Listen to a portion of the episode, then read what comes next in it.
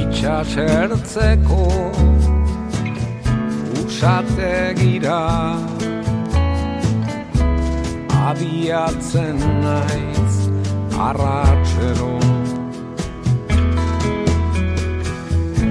Zurezko etxeak aurrak tantzan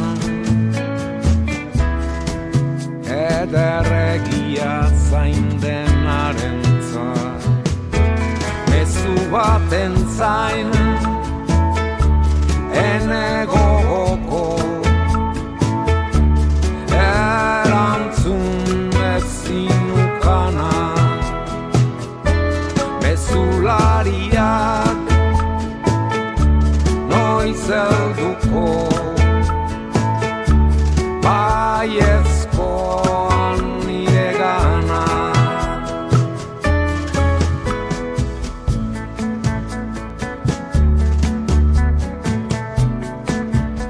¿Qué tal estamos? Bienvenidos a la Casa de la Palabra, programa de Radio Euskadi que inició su andadura en septiembre de 1997.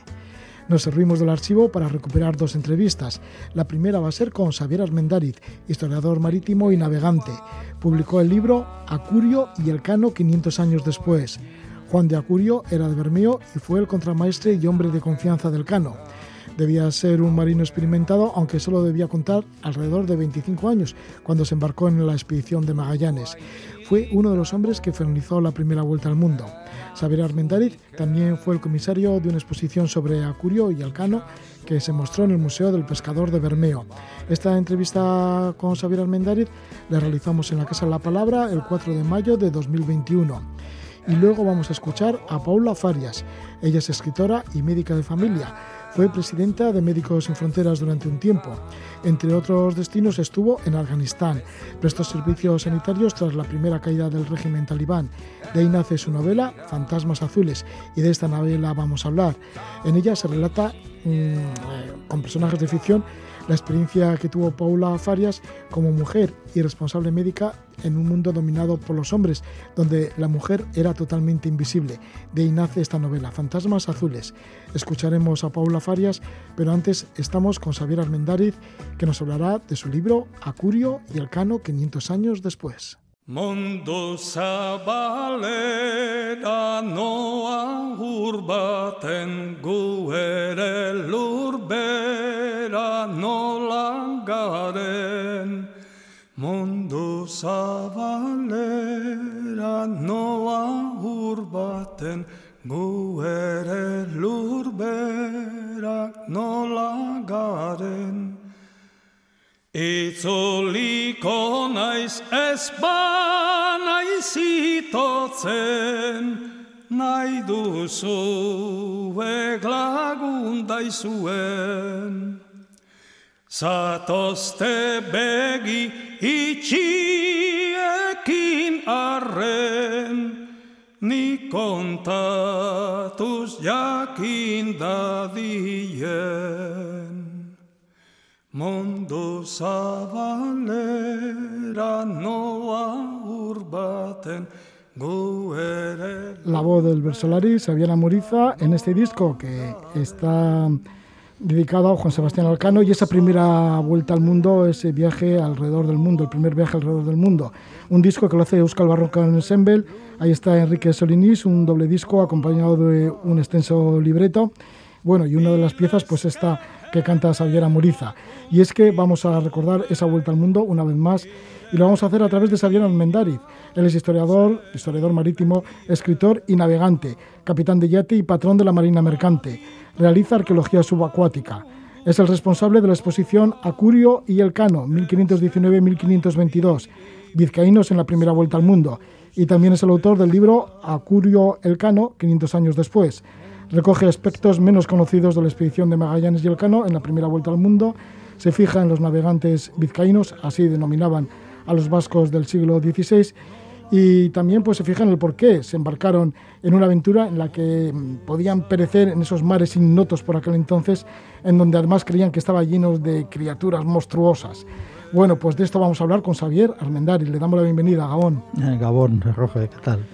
Xavier, bueno, pues que te has embarcado casi tú también como un tripulante más, ¿no? En esta Eh, primera vuelta sí, al mundo. al final en estas cosas ya sabes, si las quieres hacer medianamente o decentemente bien, necesitas aplicarles pasión y casi casi necesitas meterte en el papel, ¿no? Hay que transportarse un poco al siglo XVI para, para entender a esta gente, fundamentalmente que a mí es lo que más me interesa realmente, entenderles a ellos por qué hicieron lo que hicieron, ¿no?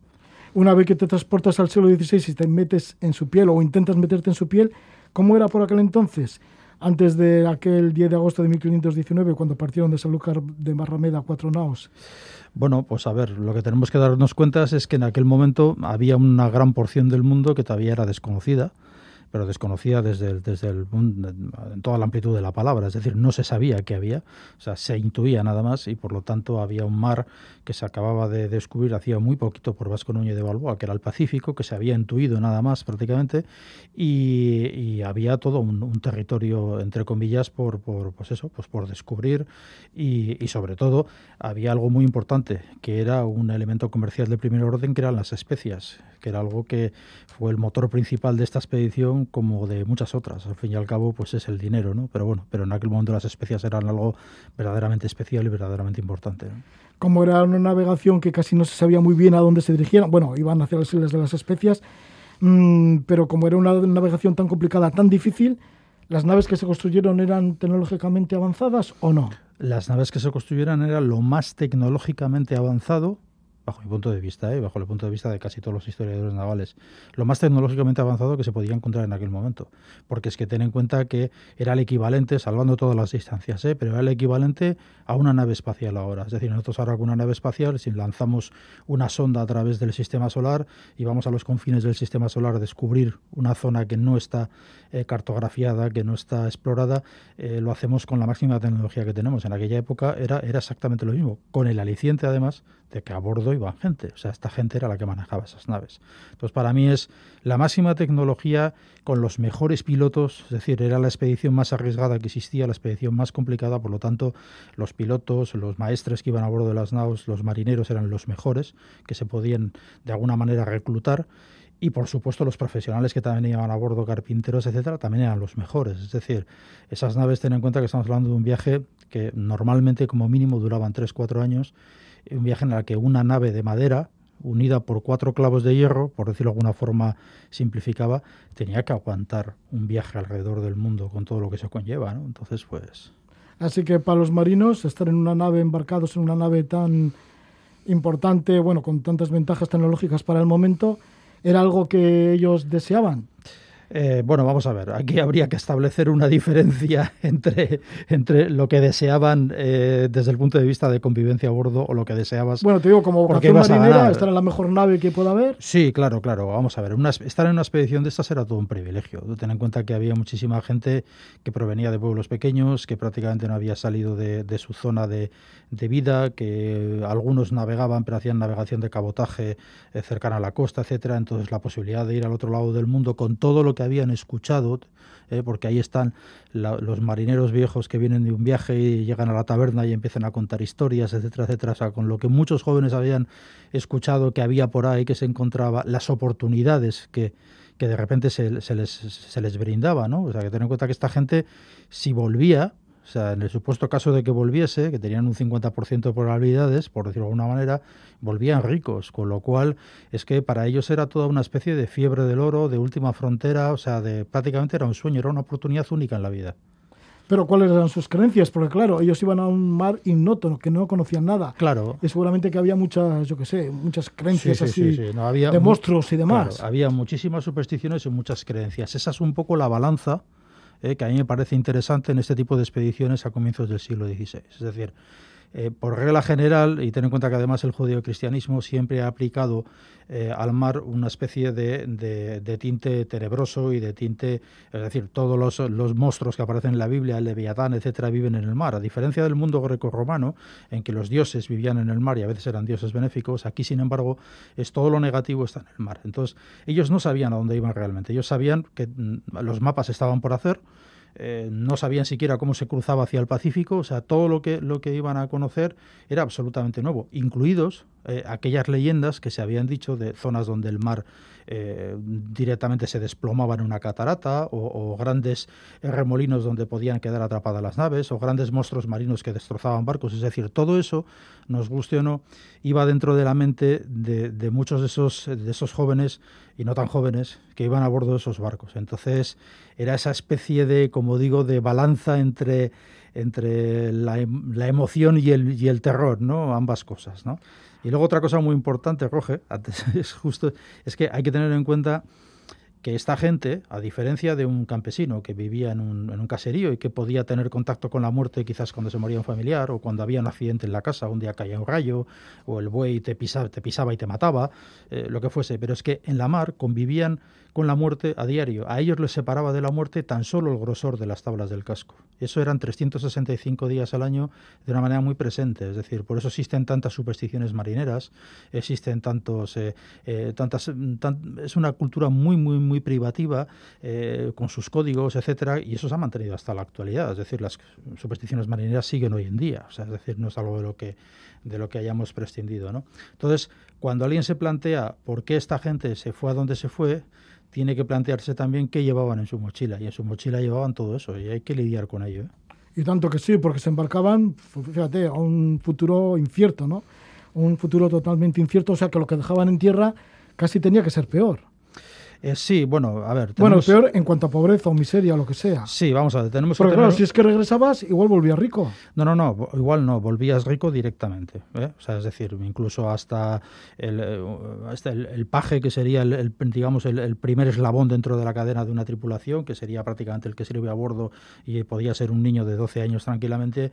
las cuentas que se echan de algunos de los pajes que vuelven, por ejemplo, pues ellos entre sueldo y un, y un elemento que se llamaba la quintalada, es decir, una una especie de, de, cantidad de especias que ellos podían traer por su cuenta y comerciarlas, un paje podía ganar aproximadamente unos 40.000 maravedís. 40.000 maravedís es el equivalente, eh, euro por maravedí, a unos 40.000 euros de ahora.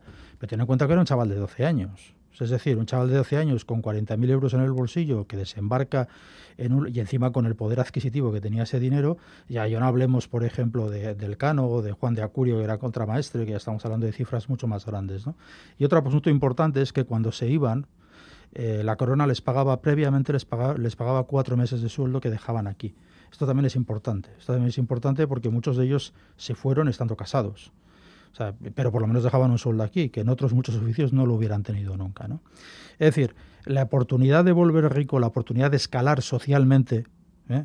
y de, convertirte, ya sabes que en aquella época, pues bueno, tu posición social era un asunto muy importante. Es decir, todo eso te lo ofrecían este tipo de, de oportunidades, pero no te lo ofrecían, eso era imposible de encontrar en tierra en aquella época. La Vizcaya que nosotros podíamos conocer a comienzos del siglo XVI era una Vizcaya radicalmente diferente a lo que conocemos ahora en cuanto a alimentación, en cuanto a, eh, a todo. O sea, prácticamente todo lo que comemos hoy en día, que estamos súper orgullosos de ser gastronomía vasca, a comienzos del siglo XVI esos ingredientes todavía no habían llegado de América. Es decir, eh, en fin, es decir, la situación no era buena. Tampoco digamos que era pobreza, era su manera de vivir a secas. Era como se vivía en muchísimos sitios. O sea, no se vivía mejor en Castilla o en, o en Murcia o en, no, pero bueno, era una situación que si eras rico tenías dinero y comías bien y si no, pues bueno, pues las pasabas como podías. ¿no? ¿Cuáles eran las habilidades de estos profesionales que se embarcaron en esta primera vuelta al mundo, en estas naos. Mm. Que bueno, vamos a recordar que era la Concepción, la San Antonio, la Victoria y la Trinidad. Eso, exacto. Bueno, para empezar tenemos que tener en cuenta eh, había dos grupos de profesionales, por decirlo de alguna manera. Por un lado estaban todo lo que sería, lo diríamos el cuerpo de marinería, es decir, marineros, contramaestres, pilotos y maestres de las naos, o sea, es decir, digamos, los que manejan la nave, por algún, de alguna manera, y luego están los que se ocupan del mantenimiento, tal y como lo entenderíamos hoy en día, ¿eh? del mantenimiento de la nave, que serían, pues, eh, por ejemplo, pues el, carpintero, el calafate, que es el que se encarga de sellar eh, las, la, la, las tablas de la nave para que no haga agua por ningún sitio, de mantener las bombas en funcionamiento, etcétera. Eh, para que nos hagamos una idea, la Victoria la, o sea, la, compra de la Victoria para, para que esta, esta nao fuera en la expedición costó 300.000 maravedís, que serían el equivalente a 300.000 euros. Simplemente por una sola cuestión de lógica, podríamos pensar, si nosotros mañana montamos una empresa, compramos eh, un barco que nos hemos gastado 300.000 euros, ¿se lo dejamos a cualquiera? ¿Pilotarlo? No, buscaban a los mejores. Y fundamentalmente los mejores, muchos de ellos porcentualmente, ¿dónde estaban? En el País Vasco. ¿Por qué? Porque aquí teníamos una gran tradición de navegación. Aquí se hacía construcción de barcos, por lo tanto había muy buenos profesionales, carpinteros, calafates, etcétera. Había muy buenos marineros porque estábamos todo el día en contacto con la mar y con la pesca. Es decir, porcentualmente hubo un grupo muy importante de vascos en esta expedición que yo diría, y muchos autores creemos que fueron decisivos también. ¿eh? También debían dominar las armas. Exacto, o sea, es efectivamente. Y ten en cuenta que nosotros además teníamos una ventaja respecto a otros lugares del Estado. Es que aquí eh, existía el fuero y el fuero permitía que hasta un campesino llevara armas. ¿Qué significa eso? Que de una manera u otra tú estabas entrenado. Y luego todos recordaremos que hemos visto, oído muchas veces las guerras de banderizos, que estaban familias de un pueblo pegándose con la otra, bueno, algo más que pegándose, matándose entre ellos y tal. Entonces, eso era eso para, el, para la corona era muy importante. Era muy importante tener gente aquí entrenada con armas para hacer de tapón con, Francia, con Inglaterra, con los que siempre estaban en guerra. Entonces, por decirlo de alguna manera, el País Vasco, ciertas partes de Cantabria, norte de Burgos, etcétera, todo lo que son las zonas donde había fuero y donde había lo que se llamaban hidalgos, que podías tener armas, pero luego ser más pobre que una gata, pero sin embargo estabas entrenado militarmente, o sea, es decir, estabas acostumbrado a utilizar armas. ¿Qué sucede? Pues que, hombre, para la corona es fantástico. Tienes un marinero que además sabe disparar una ballesta o sabe utilizar una espada. O sea, eso es algo que, joder, miel sobre hojuelas, o sea, es mucho mejor para ellos. ¿no? Entonces, por eso toda esa... Eh, digamos, todas esas habilidades, tanto las, las personales como las complementarias, fueron muy importantes en esta expedición. Así que eran soldados por derecho. Soldados por derecho, exacto. Los vizcaínos que fueron en esta... Exacto en esta primera vuelta al mundo, que venían a ser como 33, ¿no? Eh, sí, aproximadamente, eso es. Bueno, Ahí, recordamos que vizcaínos de, de sí, bueno, a todos ent vascos. entendemos vizcaínos, efectivamente. Yo utilizo además, y en la exposición eh, escribimos la palabra vizcaínos entrecomillada, precisamente porque eh, el concepto antiguo que lo podemos leer mismamente en el Quijote, es decir, se considera vizcaíno aquel que provenía de las Vascongadas o del norte de Navarra, aquel que hablara euskera en definitiva, aquel que tuviera la lengua vasca como lengua materna o como lengua de utilización y que proveniese de esta zona. ¿no? Entonces digamos que es un término, eh, una convención de la época, eh, que luego pues, lo ha ido cambiando obviamente a lo largo de los siglos. ¿no? Pero bueno, hay, el, las cifras bailan un poco, ¿eh? hay, algún, hay dos arriba, dos abajo, pero bueno, fundamentalmente es un grupo, como digo, es un grupo numeroso y es un grupo importante a tener en cuenta además.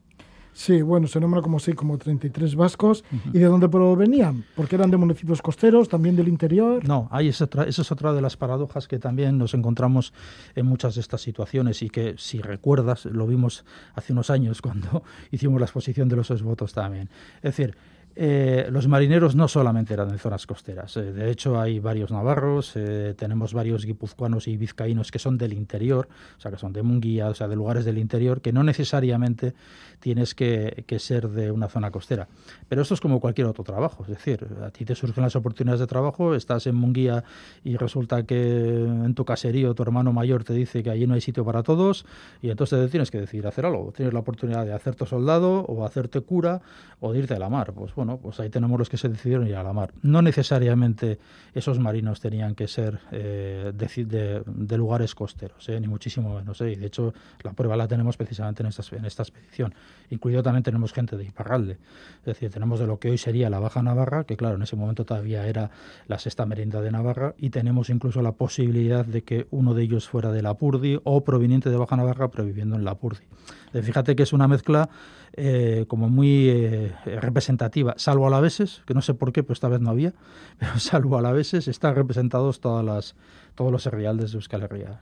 Sí, antes he dicho que eran cuatro naus, pero son cinco naus Eso, las, cinco las que partieron cinco naus. Sí, y más de 200 hombres. Entonces, bueno, aparte de estos 33 vascos, sí que había gente de muchas nacionalidades, ¿no? Exacto, Porque había sí. italianos, portugueses, por supuesto. Claro, lo que pasa es que tienes que tener en cuenta que, por ejemplo, Italia en ese momento era considerado como españoles, o sea, en definitiva, ¿no? Que es lo que pasó con justo con la, en la época también, en la época de Colón, ¿no? Porque, bueno, una vez que depende, de- depende de, de- de cuánto abarcaba en ese momento la corona española, ¿no?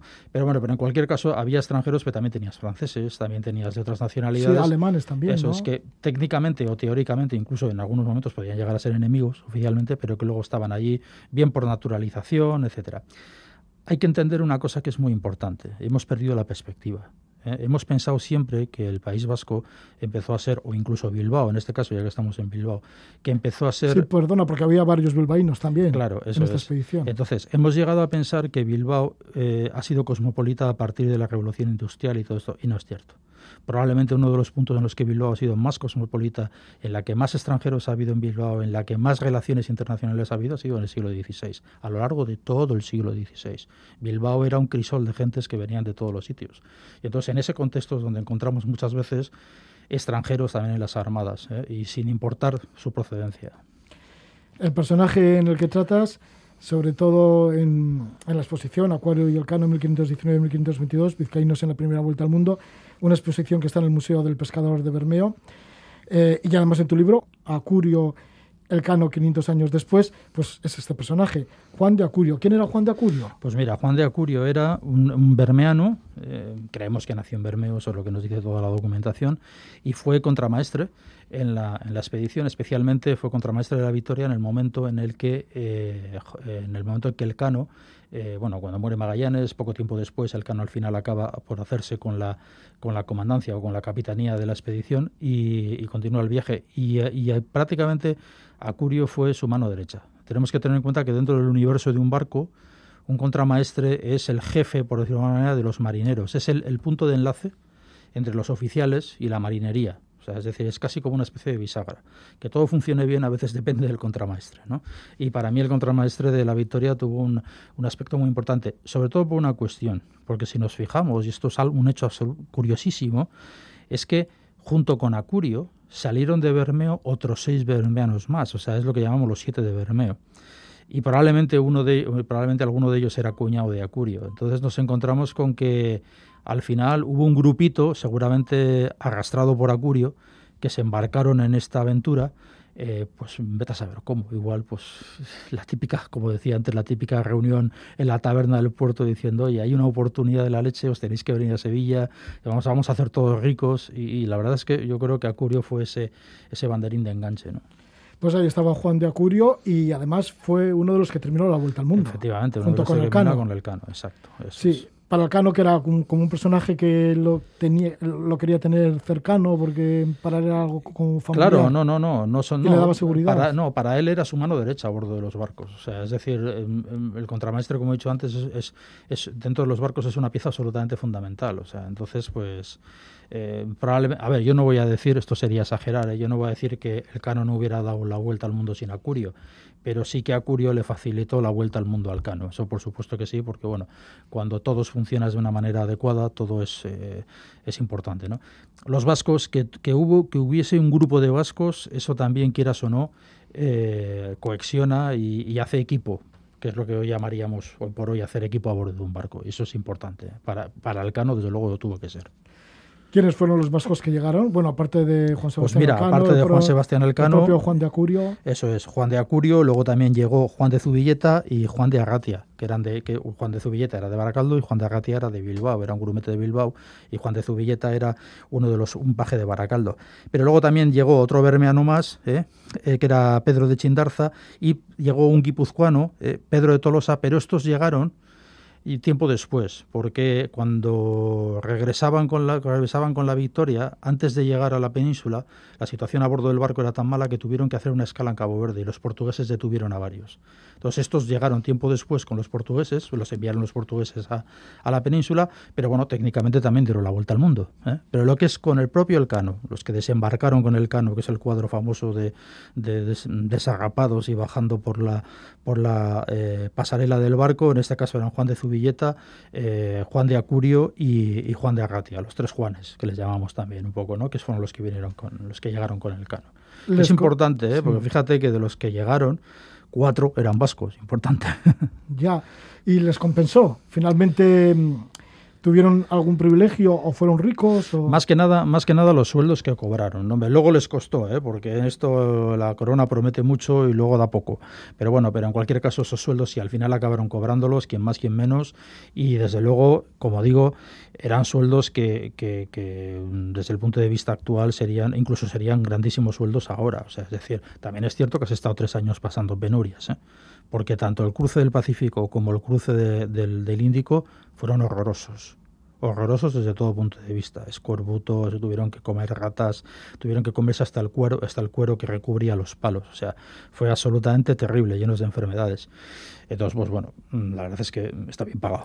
Ya, ya, ya. Bueno, y aguantar motines, como Y hubo- aguantar motines, exacto, como, como el motín de, como el motín de San Julián, efectivamente. Ahí es donde se ve donde Magallanes se dio cuenta que los vascos eran importantes, porque creemos que todos los vascos se sublevaron contra Magallanes, pero Magallanes los condenó a muerte y luego los indultó. ¿Por qué? Porque sabía que sin esos puestos clave la, la armada no podía continuar.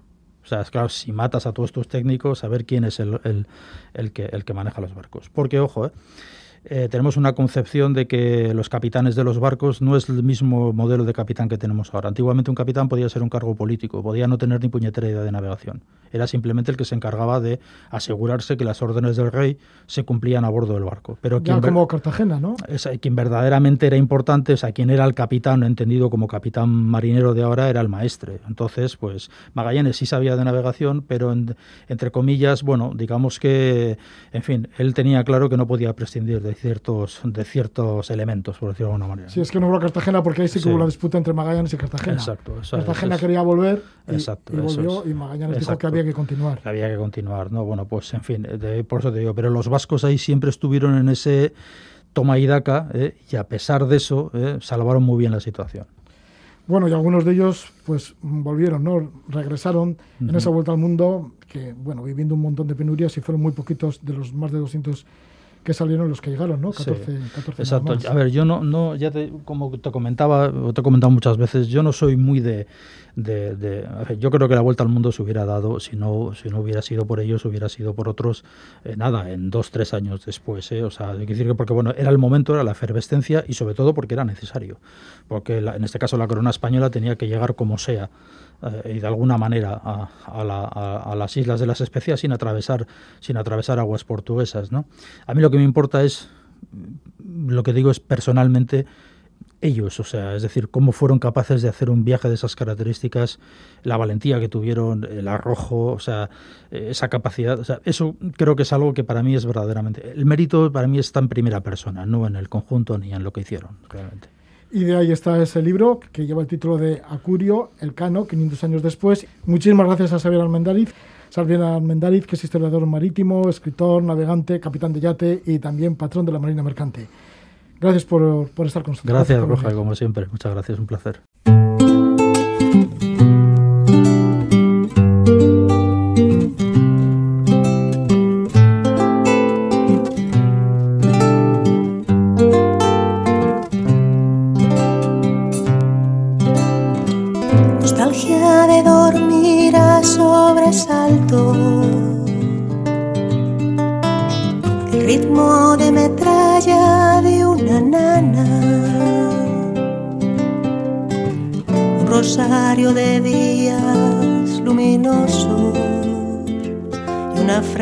De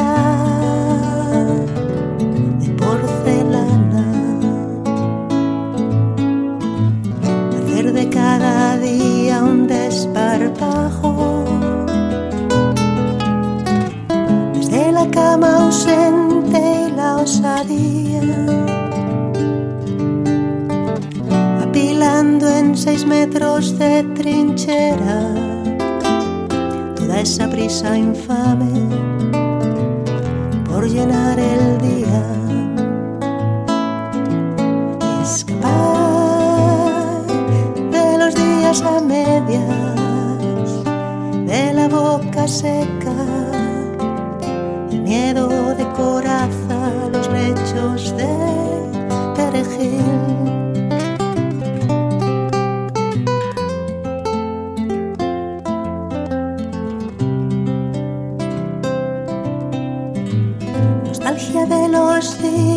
Mal contados, precipitados todos a la vida. Mitad pirata, mitad caído. Es el tema Leches de Perejil. Lo interpreta, toca la guitarra, es composición de ella, Paula Farias. Paula Farias que está con nosotros. Y en esta canción habla de la vida sobre el terreno, en misión humanitaria en zona de conflicto. Y con Paula Farias vamos a hablar de su última novela, Fantasmas Azules. La protagonista es María, una periodista independiente que después de un fracaso amoroso decide poner tierra de por medio y acepta una corresponsalía en Kabul. Después de varios meses en Afganistán, deja de enviar sus crónicas y desaparece.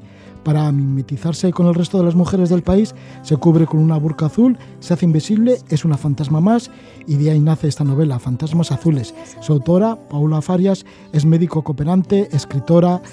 Tras años de navegación con Greenpeace, trabajó para Médicos Sin Fronteras en la Guerra de los Balcanes, para luego acudir a Afganistán en el año 2001, dos meses después de que cayesen las Torres Gemelas.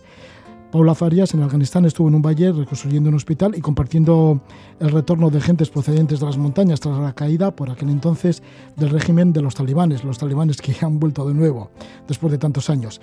Estamos con Paula Farias. Muy buenas noches, Paula. Hola, buenas noches, Roge. Bueno, que eres una mujer muy versátil, ¿no? Que fíjate, cantas, compones, mm, haces novelas, eres médico, también cooperante, activista. O sea que abarcas muchos, muchos ámbitos. Sí, un poco inquieta soy, sí.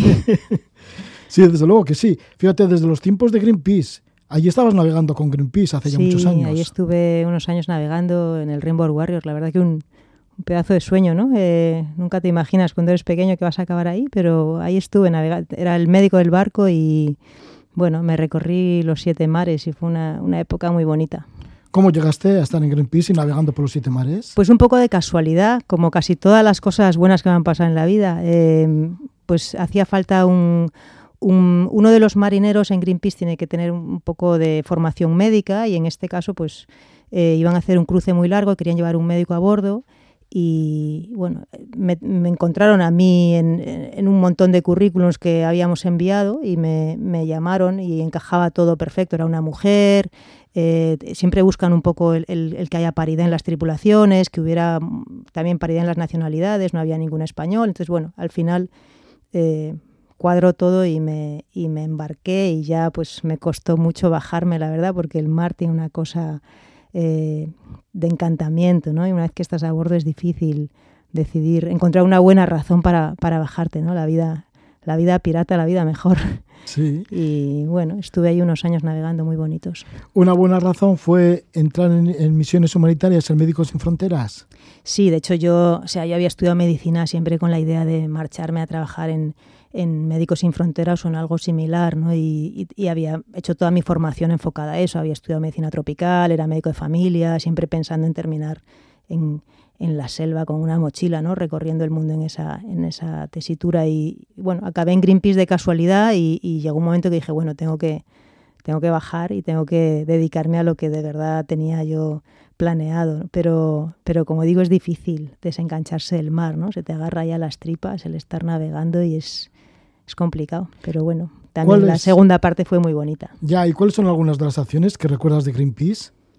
Pues eh, casi siempre el, en la parte que yo navegaba eh, estábamos haciendo una campaña contra los vertidos tóxicos. Entonces, bueno, andábamos siempre persiguiendo barcos que llevaban carga tóxica, pues les hacíamos abordajes, les colgábamos pancartas, eh, les recogíamos tóxicos de empresas y se las devolvíamos en, en bidones, hacíamos, bueno, todo tipo de fechorías.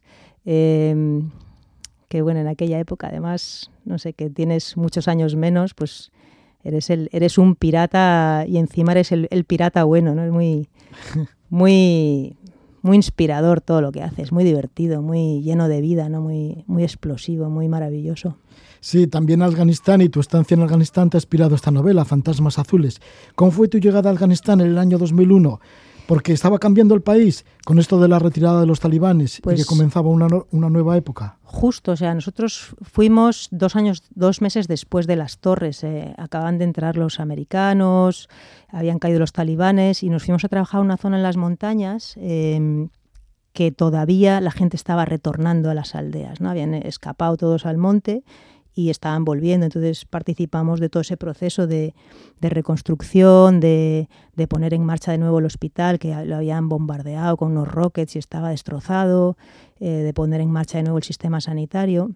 Y fue todo muy bonito porque fue como un resurgir de la gente que volvía, nosotros que llegamos y todo el mundo, todos a la par, ¿no? poniendo de pie de nuevo aquella, aquella aldea maravillosa. Fue, fue un, también una experiencia muy bonita y muy dura porque bueno, también el, hecho de ser mujer te obliga a abrirte un hueco que a veces no es fácil. ¿no? Yo además iba en un equipo en el que estábamos ocho personas, de las cuales yo era el único médico y la única mujer. El resto eran hombres, no por nada, sino porque así salieron las, así se configuró el equipo, ¿no? sin ninguna intención de que no hubiera más mujeres, pero en, en aquella primera jornada, digamos, era yo la única, entonces, bueno, me tocaba hacer, hacerme todo el hueco, explicar, eh, eh, sobre todo con las autoridades, ¿no? El, el- el trabajarte ahí el espacio y el y el que te el que te consideren y el que sobre todo el que te vean, ¿no? Porque hay una hay una parte de ese de ese ignorar a las mujeres que va más allá del desprecio, es que directamente no es que te estén despreciando, es que no estás, ¿no? No cuentas, no estás, eres invisible, no.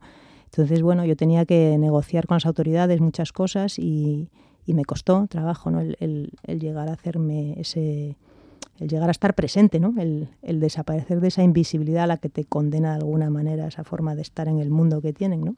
¿Cómo lo hiciste entonces? ¿Para que ya no serías invisible, para que te hicieran caso o para que por lo menos te escucharan como médico? Pues mira, hay una, eso, hay una parte en la novela, hay un personaje en la novela que, que se llama Mr. Marta, eh, que tiene un poco que ver con aquello, ¿no? Yo hubo un momento en el que tenía que negociar sí o sí con un comandante para que me diera acceso a un tenía parte de su tropa en el hospital y tenía que necesitaba su permiso para poder operarlos y para poder trabajar con ellos. Y, y en un momento de desesperación que ya no sabía cómo hacer para que el tipo me, me hiciera un espacio, pues le mandé una nota diciendo eh, que por favor, que Mr. Paula quería hablar con él, ¿no?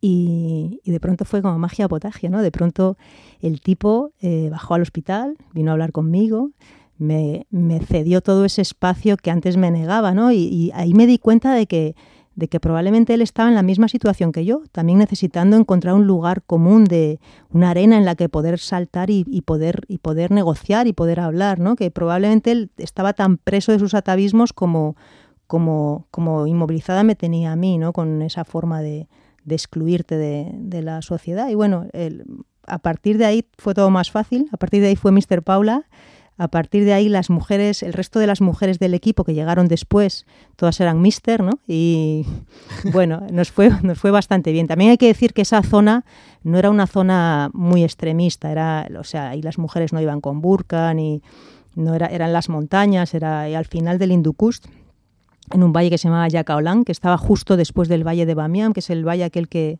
que derribaron los budas, los, los talibanes. Y bueno, una zona en la que, que, eh, la población es azara, no, no eran especialmente radicales, ¿no? Pero aún así, pues había esa, esa dificultad para, siendo mujer, hacerte, hacerte un espacio. Así que las autoridades del Valle no te hacían caso a tu palabra, pero ya al ponerte Mr. Paula, ese fue el truco, ya la cosa cambió. Bueno, cambió con este tipo, que era con el que yo tenía que negociar. No sé si la fórmula es válida así, Ya. aplicada de una forma general, pero desde luego con él eh, ahí se le descolocó algo y, y- y me hizo caso, ¿no? Quizá, quizá porque dijo que plasta esta mujer, ¿no? Al final vamos a hacerle caso, pero la realidad es que, que sí, se rompió de alguna manera una especie de, de cristal que había y, y pudimos, pudimos pasar a, a entendernos. Sí, y ahí está también tu personaje en la novela, uno de los personajes que es Mr. Marta, Mm, la es. doctora en este valle. ¿Y cómo es este valle? Porque tiene que ser precioso. Has Pues hablado de los budas de Bamiyan, que es uno de los lugares más atractivos de todo Afganistán. Entonces, ¿cómo lo vivías? Porque Es claro, una barbaridad de sitio, de la belleza que tiene. es- Claro, está el contraste es- de la belleza y también de la realidad, ¿no? Que se vive.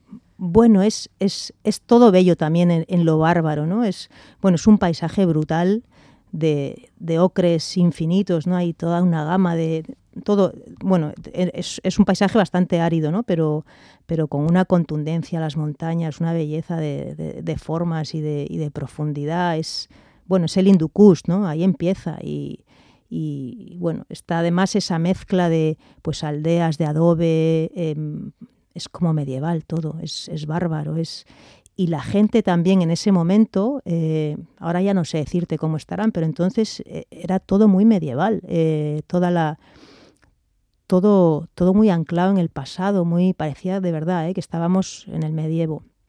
y la gente con una nobleza muy especial, también esa la gente de montaña, ¿no? que siempre es gente que tiene que están muy agarrados a la tierra y que y que tienen una forma de estar muy muy noble porque porque bueno, la naturaleza te obliga a eso, ¿no? Y fue, fue, fue una experiencia muy bonita. Yo de Afganistán solo, solo recuerdo, recuerdo belleza incluso en la, en, en la barbarie, ¿no? El, ese contraste entre las cosas más bárbaras y las más, y, las más leves y las más, las más sensibles. No sé, había, había un mundo de contrastes muy bonito.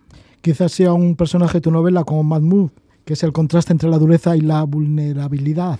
Sí, Mahmoud es justo pues es ese, ese tipo rudo eh, criado ahí en, la, en, la, violencia, en la resistencia, porque Afganistán es un pueblo que ha crecido en la resistencia. Cuando hablan de la violencia en Afganistán, es que se han entregado todas las guerras del mundo, una tras otra, ¿no? Ya desde, yo, sé, desde Alejandro Magno, es que les todo el mundo les ha intentado conquistar, todo el mundo les ha zurrado. Entonces, bueno, tienen una historia de violencia a las espaldas muy, muy potente y siempre han resistido, ¿no? Siempre los afganos dicen que los afganos eh, se alquilan pero no se venden, ¿no? Ellos siempre acaban, acaban saliéndose un poco, acaban levantando la cabeza, ¿no? Y, irguiéndose y bueno, eso, eso está ahí. Entonces Mahmoud es ese personaje que es duro, recio, bárbaro si quieres, eh, y por otro lado, por dentro es un, es, es un pastel, ¿no? Es un, es un, un ser lleno de sensibilidades con las que es incapaz de conectarse precisamente porque está, está atrapado en sus atavismos y en su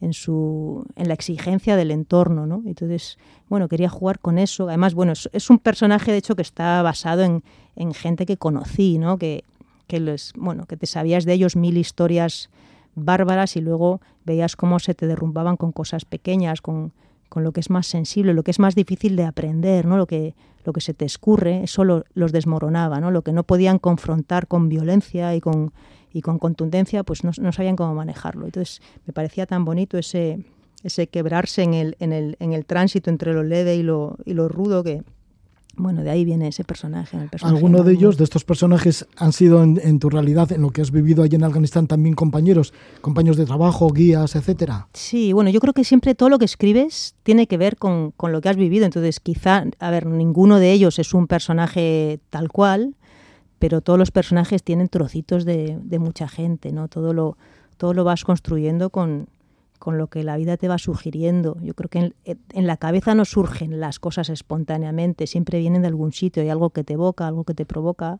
algún trocito de, cada uno que te va que te va moviendo cosas y de ahí vas construyendo los personajes. Todos ellos son ciertos eh, en su troceo, ¿no? Ninguno es ninguno es tal cual, pero todos todo lo que los compone tiene tiene un porqué. Paula, y probaste en tu estancia en Afganistán el burka, ese burka azul porque tu novela se llama Fantasmas Azules y trata sobre eso, ¿no? Sobre una periodista que va de Madrid a Kabul de corresponsal mm. y al final termina metida en un burka y desaparece, ¿no? O se mimetiza con las gentes, con las mujeres del lugar. Sí, bueno, no es exactamente así, pero no, no vamos a destriparlo. ¿En tu caso probaste el burka? Sí, eh, de hecho, el, el, origen de la novela es. En Kabul sí que teníamos que ir eh, con el burka, porque sí que ahí estaban los talibanes todavía, o, acababan de salir y todavía eh, nadie se atrevía a andar sin burka. Y, y, ahí había que ponerse un burka. Entonces, pues a mí un, un día en el que estaba en casa y bueno, se me cayó un poco todo encima y necesitaba darme una vuelta Em, se había marchado mi traductor con el que tenía que salir yo siempre y, al final, bueno, me, me, puse el burka eh, para, para, dar un paseo porque era la única manera de, salir sola, ¿no? No salir acompañada por toda esa corte que te acompaña siempre en estos lugares, que al final eres muy visible y, y no puedes nunca mimetizarte bien, ni enterarte bien, ni empaparte bien porque estás siempre en el foco, ¿no? Y bueno, me puse un burka para darme un paseo en una tarde de esas de no puedo más y mm, un burka que encontré ahí en una percha, que no era ni mío, y de pronto eh, me convertí en, en, invisible, ¿no? Fue un poco como el, el, gato de Cheshire, que de pronto no está. Y, y, más allá de lo que tiene de bárbaro el, obligar a taparse a la gente y el...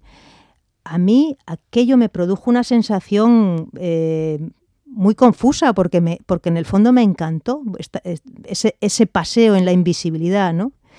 Eh, entonces, ese haberme encantado aquel momento, en, a ver, entendiendo que es, una cosa recortada en el tiempo, ¿no? Pero me, me, me levantó mucha inquietud y me levantó muchas preguntas, ¿no? De cómo te puede gustar ser invisible, ¿no? Y, y, bueno, de ahí surge el personaje, de cómo, bueno, de cómo también a veces dependemos tanto de las miradas de los demás y cómo el no estar de pronto puede resultar interesante precisamente por eso, porque porque eres de otra manera, ¿no? Y, y bueno, y juega, la novela juega mucho con el quién somos cuando nos miran y quién, quién, dejamos, quién no somos cuando, nos, cuando dejan de mirarnos, ¿no? El, un poco el cómo la mirada de los demás te construye y te, y te, bueno, y te, y te conforma y, y como a veces, bueno, se puede jugar con eso y, y como también tiene su peligro, ¿no? El eh, ojo, que eso de no estar y jugar a no ser, pues tiene sus, sus consecuencias, ¿no?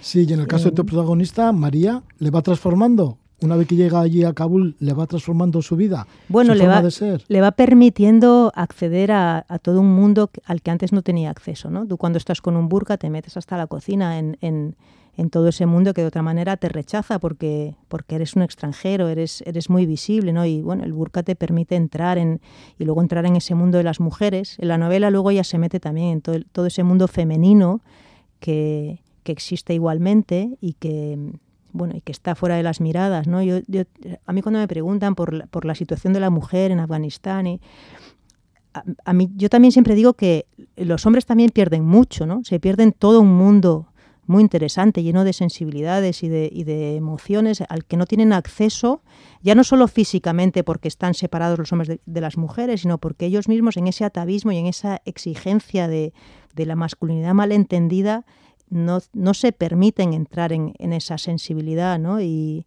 y, también se pierden, o sea, pierden los dos, pierden los hombres y pierden las mujeres en, en esa diferencia y en ese, en ese separarse. ¿Cómo es ese mundo femenino en Afganistán? ¿Has entrado tú también hasta adentro, hasta la cocina?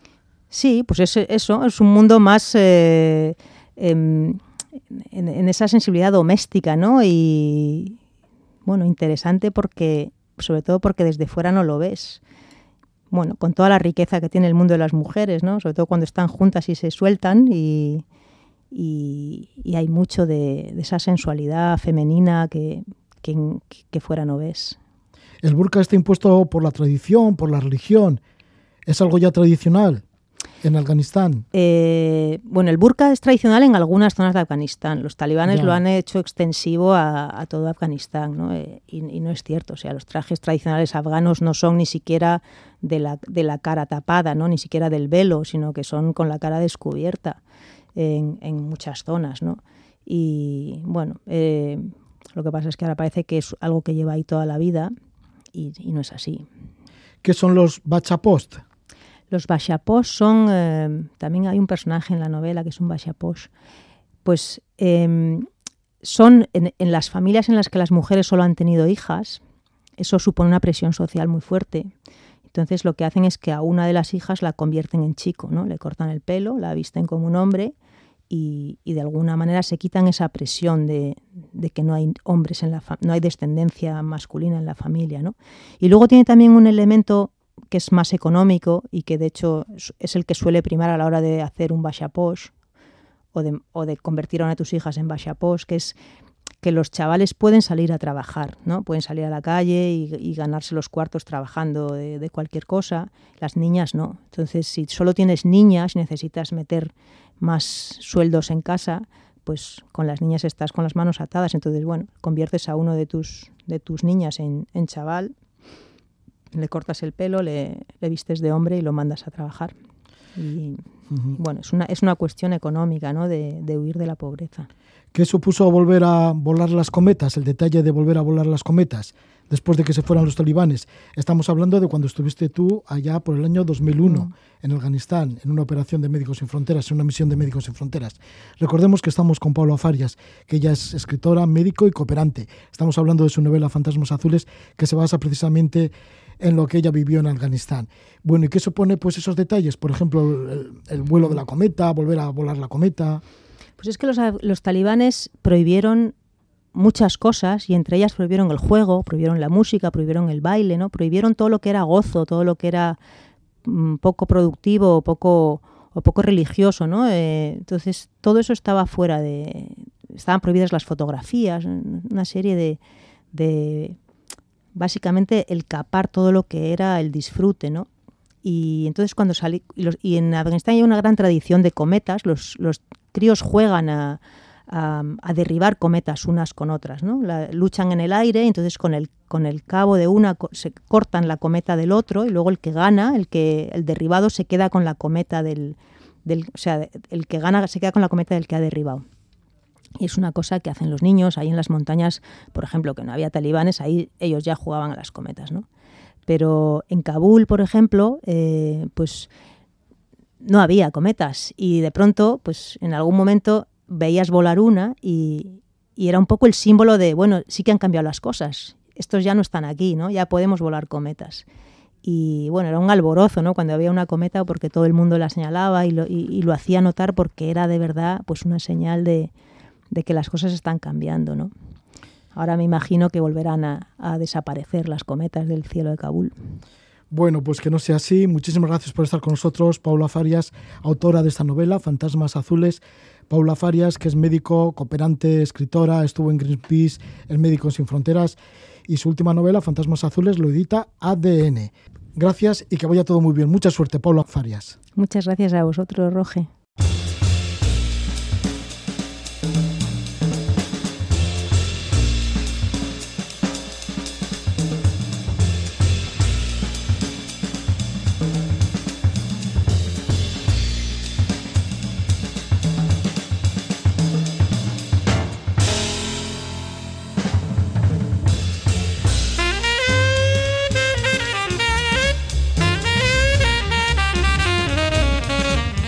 Paula Farias con su novela Fantasmas Azules, inspirada en su estancia en Afganistán bajo el régimen talibán. Ahora va a sonar la música de Ben Hart con un tema bien conocido de Led Zeppelin, Good Times, Bad Times, en un disco de Ben Hart que ha hecho tributo a este gran grupo como fue Led Zeppelin. Que disfrutéis mucho, que vaya todo estupendamente.